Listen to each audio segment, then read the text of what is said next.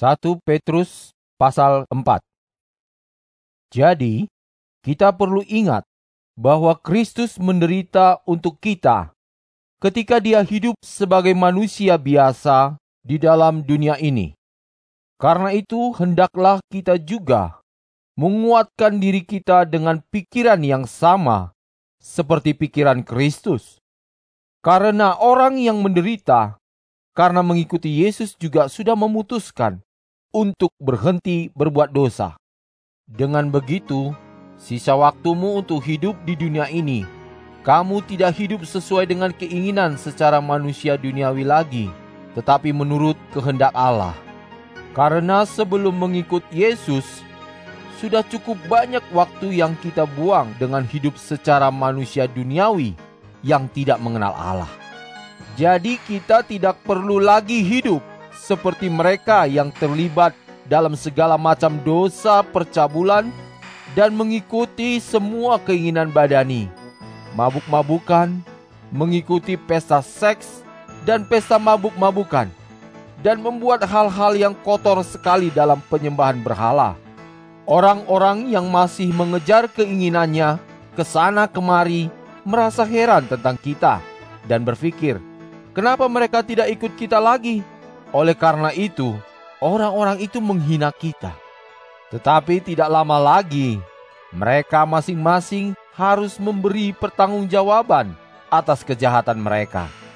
Karena sekarang Allah sudah siap mengadili semua orang, baik yang sudah mati maupun yang masih hidup.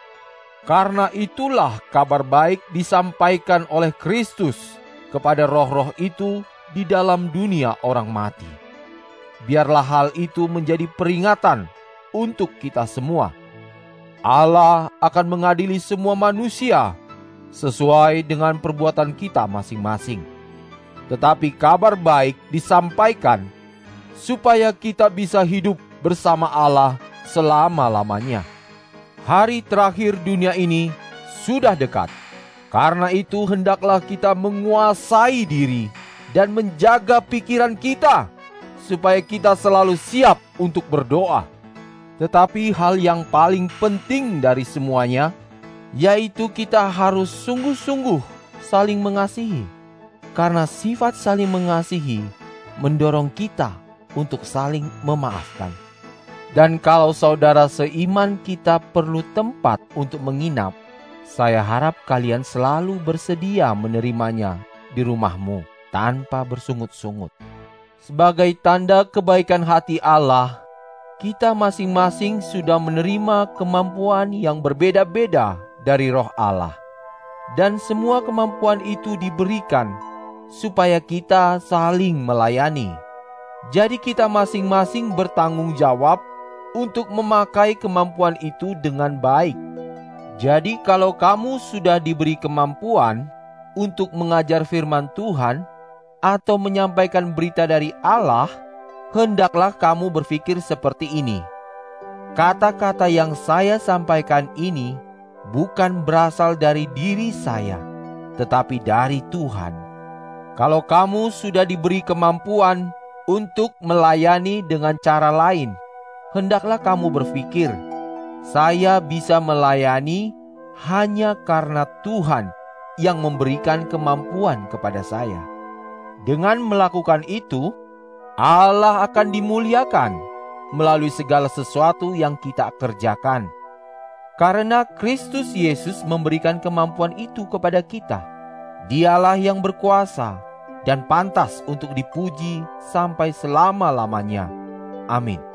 Saudara-saudari yang saya kasihi, janganlah kaget ketika kalian mengalami banyak penderitaan karena mengikut Yesus. Memang kita akan mengalami penderitaan yang sangat menyakitkan, yang rasanya seperti kena nyala api. Hal itu terjadi untuk menguji kalau kita sungguh-sungguh percaya kepada Kristus, dan untuk membuktikan apakah kita setia atau tidak kepadanya. Jadi, jangan kita berpikir bahwa kesusahan yang kita alami adalah sesuatu yang luar biasa. Tetapi hendaklah kita bergembira. Karena kalau kita ikut mengalami penderitaan seperti yang Kristus alami, itu berarti kita benar-benar sudah bersatu dengan Dia. Dengan begitu, pastilah kita akan sangat bersuka cita pada waktu Dia datang kembali untuk menyatakan kemuliaannya. Jadi, kalau ada orang yang menghina kamu karena mengikut Kristus, biarlah kamu merasa bahwa kamu sudah diberkati oleh Allah. Karena hinaan orang itu sudah menjadi tanda bukti bahwa kemuliaan dari Roh Allah ada bersama dengan kamu.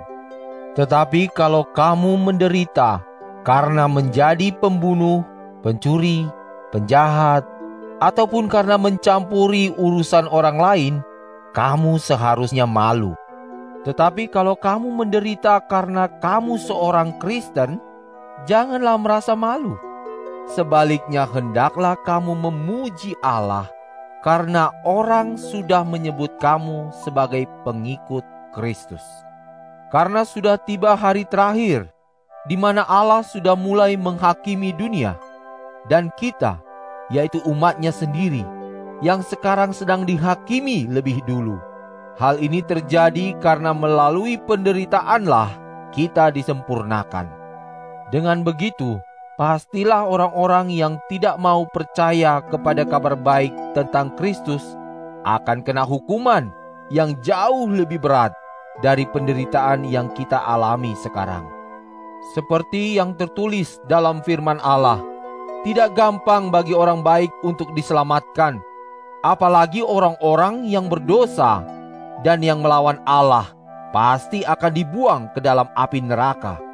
Karena itu, kalau Allah menghendaki kita untuk menderita, hendaklah kita tetap melakukan yang baik dan menyerahkan diri kita kepada Allah dengan berpikir seperti ini.